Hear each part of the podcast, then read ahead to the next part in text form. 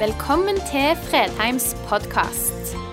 For mer informasjon og ressurser, besøk oss på fredheimarena.no, eller finn oss på Facebook. Jeg tror de fleste av oss eh, på en eller annen måte har en forståelse av at vi står i en sammenheng med Gud. Og at det livet vi lever, på en eller annen måte gjenspeiler det livet vi lever med Gud. Når vi landet denne høsten, så bestemte vi oss for at vi ønsker fremover å bryte litt opp i temaseriene for å berøre de spesielle kirkelige dagene i løpet av et år. Og En av de er bots- og bededagen, som da er i dag. Og Det er kanskje ikke så vanskelig å erfare at vi, eh, vi har ikke hatt den praksisen veldig lenge, at vi bryter opp. Så når vi har bots- og bededag her, så er det karneval i barnekirken.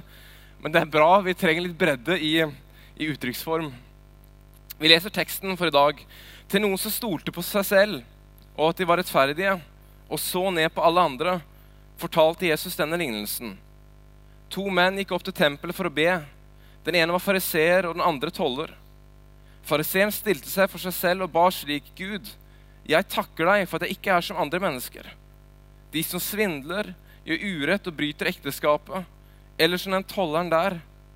Jeg faster to dager i uken og gir tiende av alt jeg tjener. Tolleren sto langt unna og ville ikke engang løfte blikket mot himmelen, men slo seg på brystet og sa, Gud, vær meg, synder, nådig. Jeg sier dere, tolleren gikk hjem rettferdig for Gud, den andre ikke. For hver den som setter seg selv høyt, skal settes lavt, og den som setter seg selv lavt, skal settes høyt.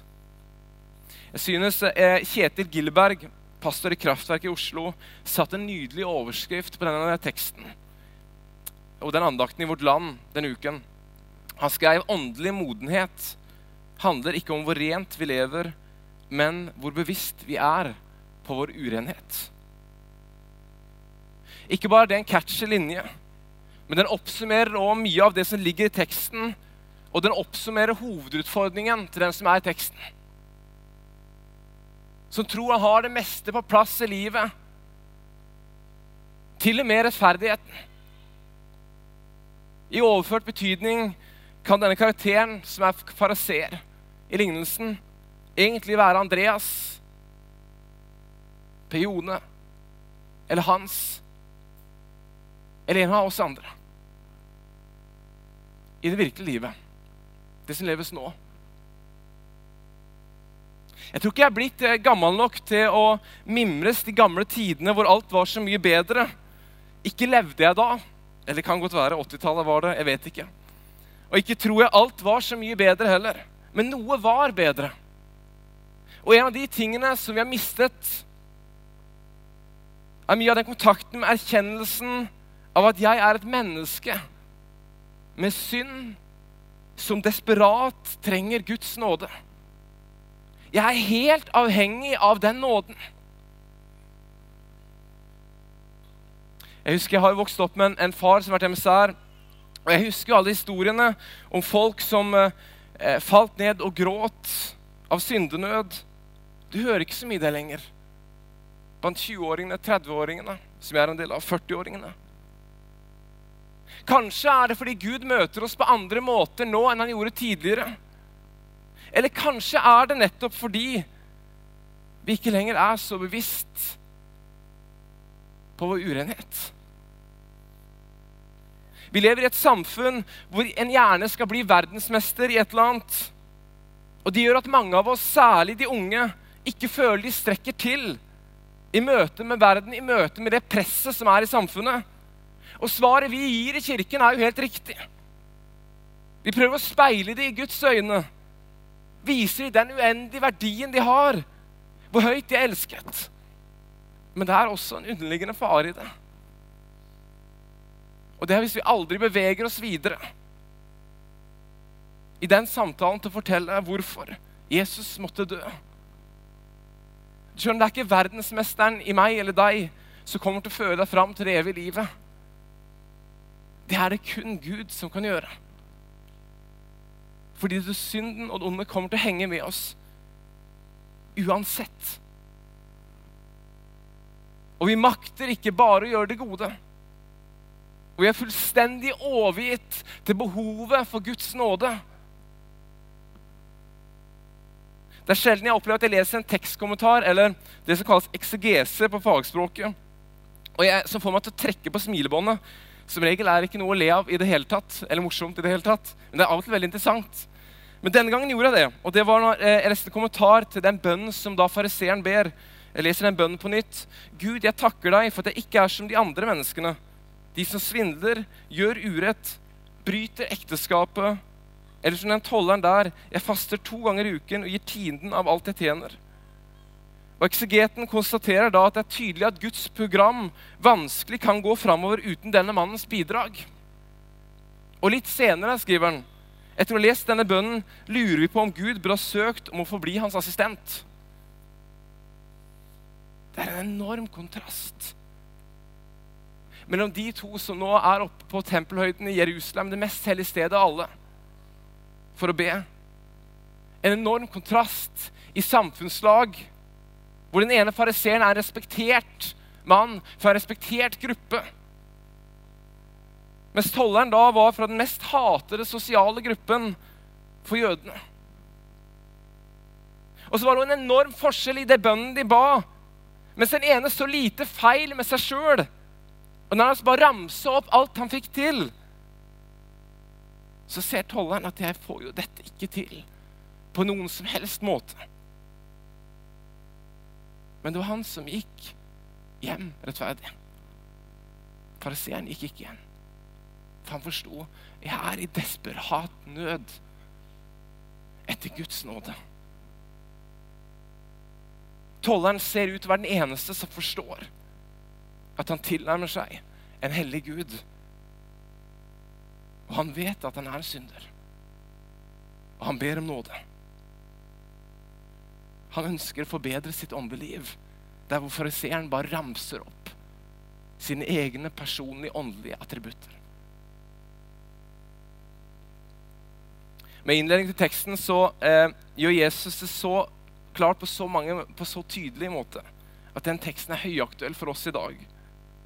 For hver den som ønsker å følge ham, når han adresserer til noen som stolte på at de selv var rettferdige, og så ned på alle andre, fortalte Jesus den lignelsen. Vi må være klar over det.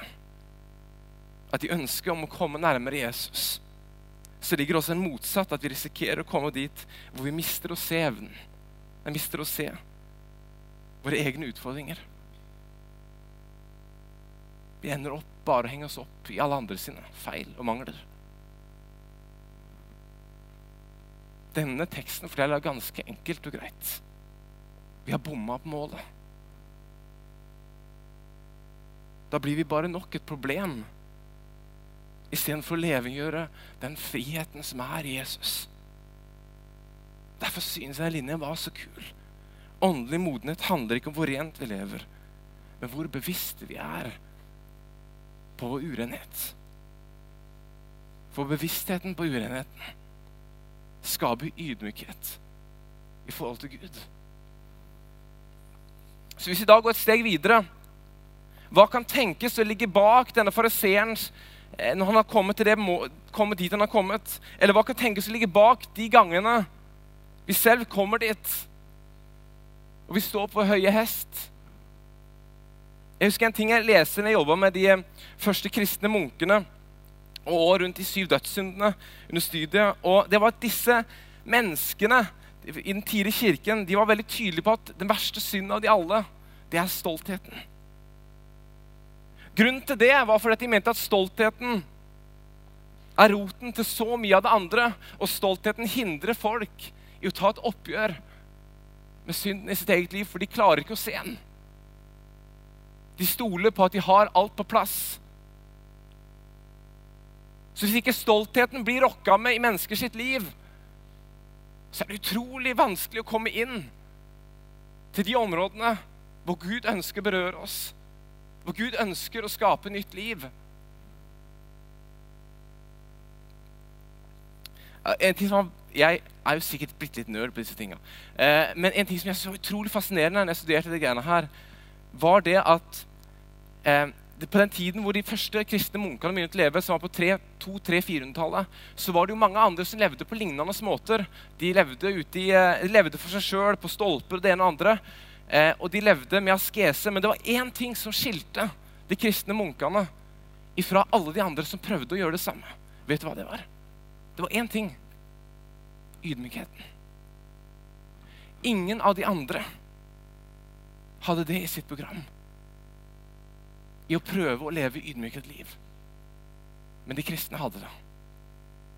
Og de regna det for å være det viktigste av alt.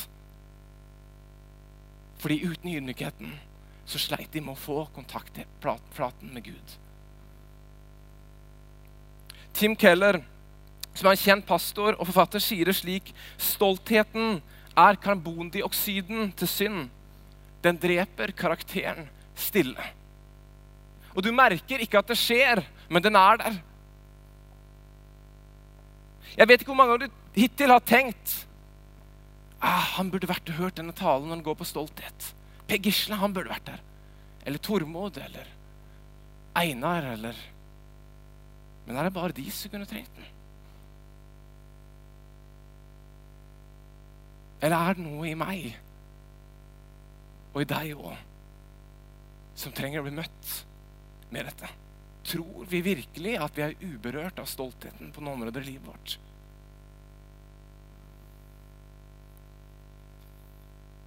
For mange av oss bruker altfor mye tid på å se hva alle andre kunne ha trengt, istedenfor å kikke innover i vårt eget liv og se hvilke dører vi burde ha begynt å åpne opp for Gud til å berøre.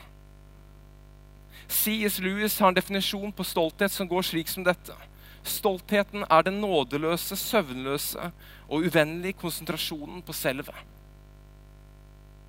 Den nådeløse, søvnløse og uvennlige konsentrasjonen på meg selv. Tror vi at dette kan skape utfordringer? I hvilke mennesker vi blir, i hvordan vi ønsker å leve våre liv? I vår tilnærming til Gud, i vår tilnærming til andre? Eller tror vi det er helt uproblematisk? I Isaiah 59, 1 og 2 står det Se, Herrens hånd er ikke for kort å frelse, og hans øre er ikke for tungt til å høre. Nei, det er skylden som skiller dere fra deres Gud. Syndene deres skjuler ansiktet hans, så han ikke hører dere. Helt fra søndagsskolen så lærer vi om hvordan Gud tetter gapet mellom Gud og oss. De fleste har sikkert sett den tegningen hvor det, kors, hvor det er et gap eller et stup mellom to klipper, og så legges da korset over. Men teksten i Isaiah 59 blir fortsatt litt stående. For på tross av at skylden er betalt, så kan vi igjen begynne å bygge opp nye barrierer i vårt liv som skjuler hans ansikt når vi egentlig vil nærmere. Stoltheten er kanskje hovedproblemet. Fordi stoltheten isolerer deg. Du begynner å fokusere mer og mer på meg, mitt status, mitt image. Meg, meg, meg. Min stolthet. Mitt ego. Hvordan jeg fremstår. Hvordan andre ser på meg. Status. I mine vennekretser. Hvilken betydning jeg har i samfunnet. Så hvordan skal han nå igjennom det? Jeg bygger opp et mur mot korset. Jeg stenger meg inn i en boble tviholder oppe alle kontaktflatene. Knyttet min egen stolthet. Og stoler fullt og helt på meg sjøl. Hvordan skal Gud kunne nå inn til meg på de områdene?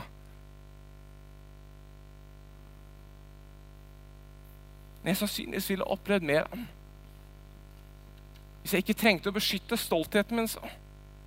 Fordi jeg visste jeg var elska hos Gud. Hvis jeg kunne legge ned egoet mitt Fordi jeg visste at jeg er fordi han er. Og jeg er et barn av Gud. Hvis jeg ikke trengte å bekymre meg så mye om hvordan jeg fremstår, fordi jeg vet at jeg alltid er sett av Gud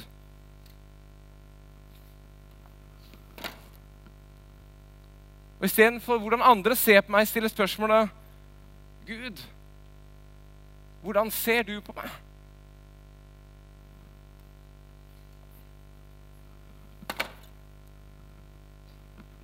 Istedenfor å leite i verdi i status og andre ting, legge verdien i at jeg er ønsket, elsket, villet av ham.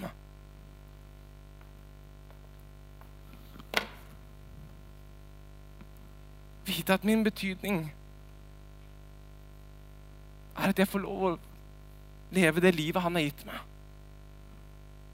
Og jeg får lov å vandre i hans ledelse hver eneste dag.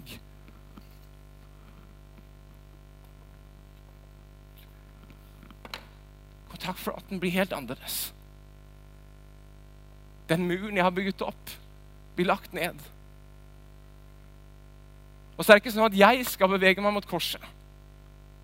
For det er ikke sånn at vi skal klatre til Gud, men Gud skal få lov å berøre oss på områder vi kanskje har sperra ned for lenge siden. Og vi har bygd opp en mur rundt det som vi kaller stolthet. Og av og til må den stoltheten knuses. For la ham få lov å berøre deg på de dypeste sidene av livet. Du skjønner, Stolthet bygger barrierer, ydmykhet bygger broer.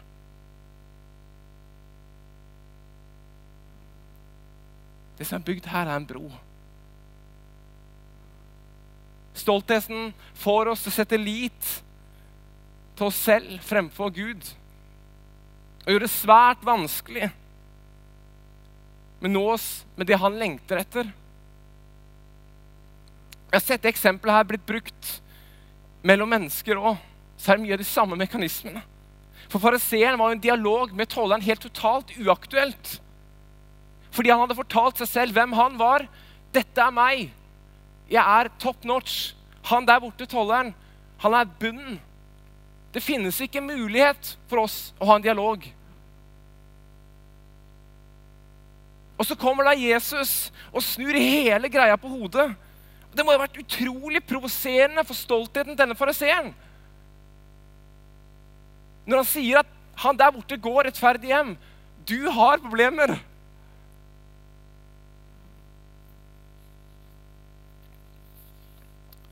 Tror for alvor vi er nødt til å la den teksten synke litt inn i oss.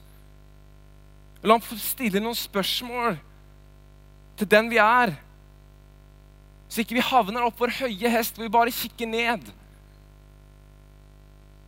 Og Jeg tror i mitt liv og i ditt liv at det har blitt en mark på noen områder som er så hard at den trenger å pløyes opp. Gud spør alltid et hjertet, Ikke etter prestasjoner,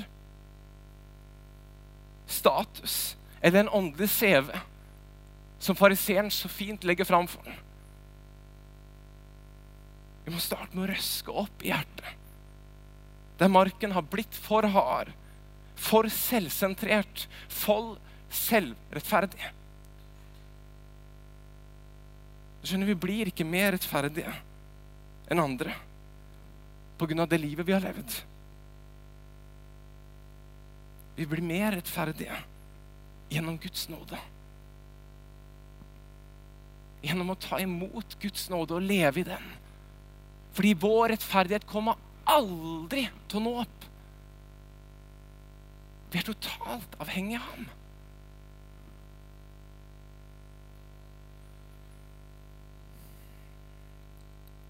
Og Hvis ikke vi pløyer opp de stedene hvordan kan vi da forvente at noe som helst nytt skal kunne sette rot der? At nytt liv skal kunne begynne å vokse der? Jeg er ikke en bonde. Jeg har ikke peiling på det bondedrivet, med. det vet Sindre bedre om. Men jeg vet at de pleier å pløye før de, før de hiver noe ned i jorda. Og hvis du ikke gjør det, så får du fort et problem. At røttene ikke går dypt nok. Nå er jeg på tynn grunn. Jeg er klar over det. Satser på at jeg er riktig, det jeg sier nå. Um, og de stedene som kanskje har gjort den marka så tar, er kanskje ting som egentlig har vært gode og hederlige egenskaper som kristne, men som ikke lenger er tjenlige. Fordi istedenfor å bygge opp andre, har det heller blitt til noe som får meg til å føre meg et hakk over alle andre. Som har bygd en stolthet som ikke er sunn. Og hvis du er der, hvis jeg er der, så er det på tide å legge de områdene ned for Gud på nytt. For det er akkurat det den teksten advarer mot.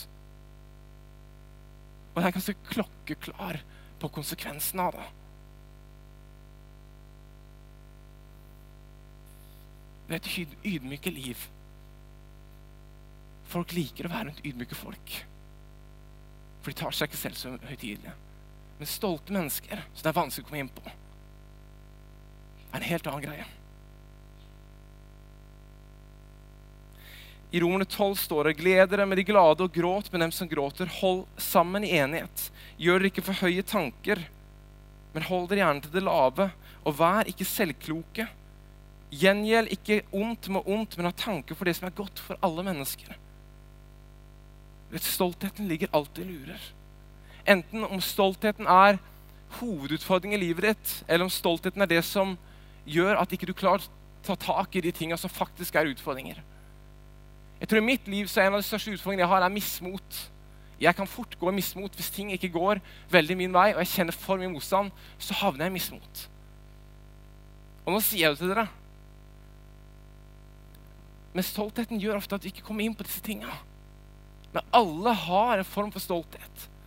Jeg husker den gangen jeg begynte på under studiet begynte på platekomponiet. Jeg var jo helt i sjokk. Og jeg ble fort stolt òg. Fordi eh, jeg kom igjen disse testene med at jeg hadde tydeligvis nok musikkunnskap og filmkunnskap til å bli ansatt. Og jeg var overlykkelig.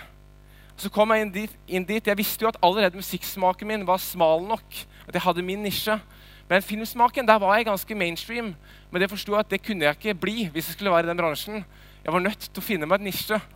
Så jeg forsto fort at det var de her eh, filmene fra Latvia, Estland, Italia med alle mulige sånne priser som aldri du har hørt om før, som var veien å gå hvis du skulle få anerkjennelse på platekompaniet.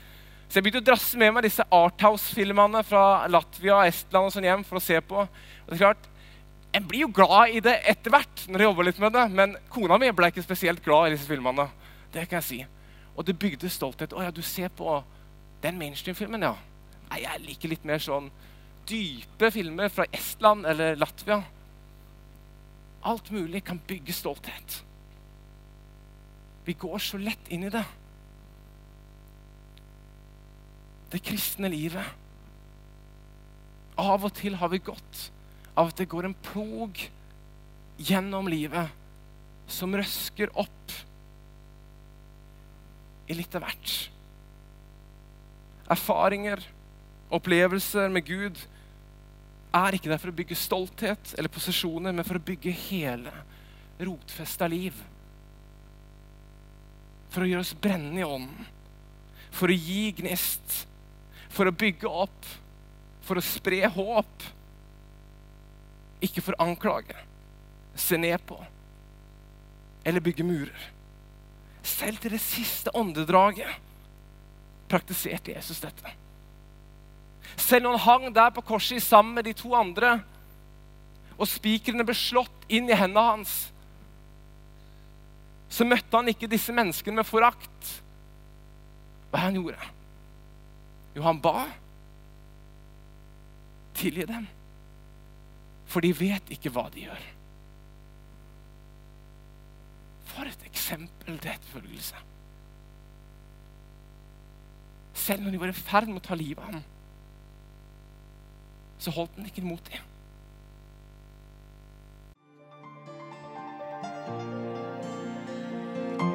Takk for at du valgte å høre på. Nye opptak legges ut hver uke. Vi har gudstjenester hver helg, og du er hjertelig velkommen.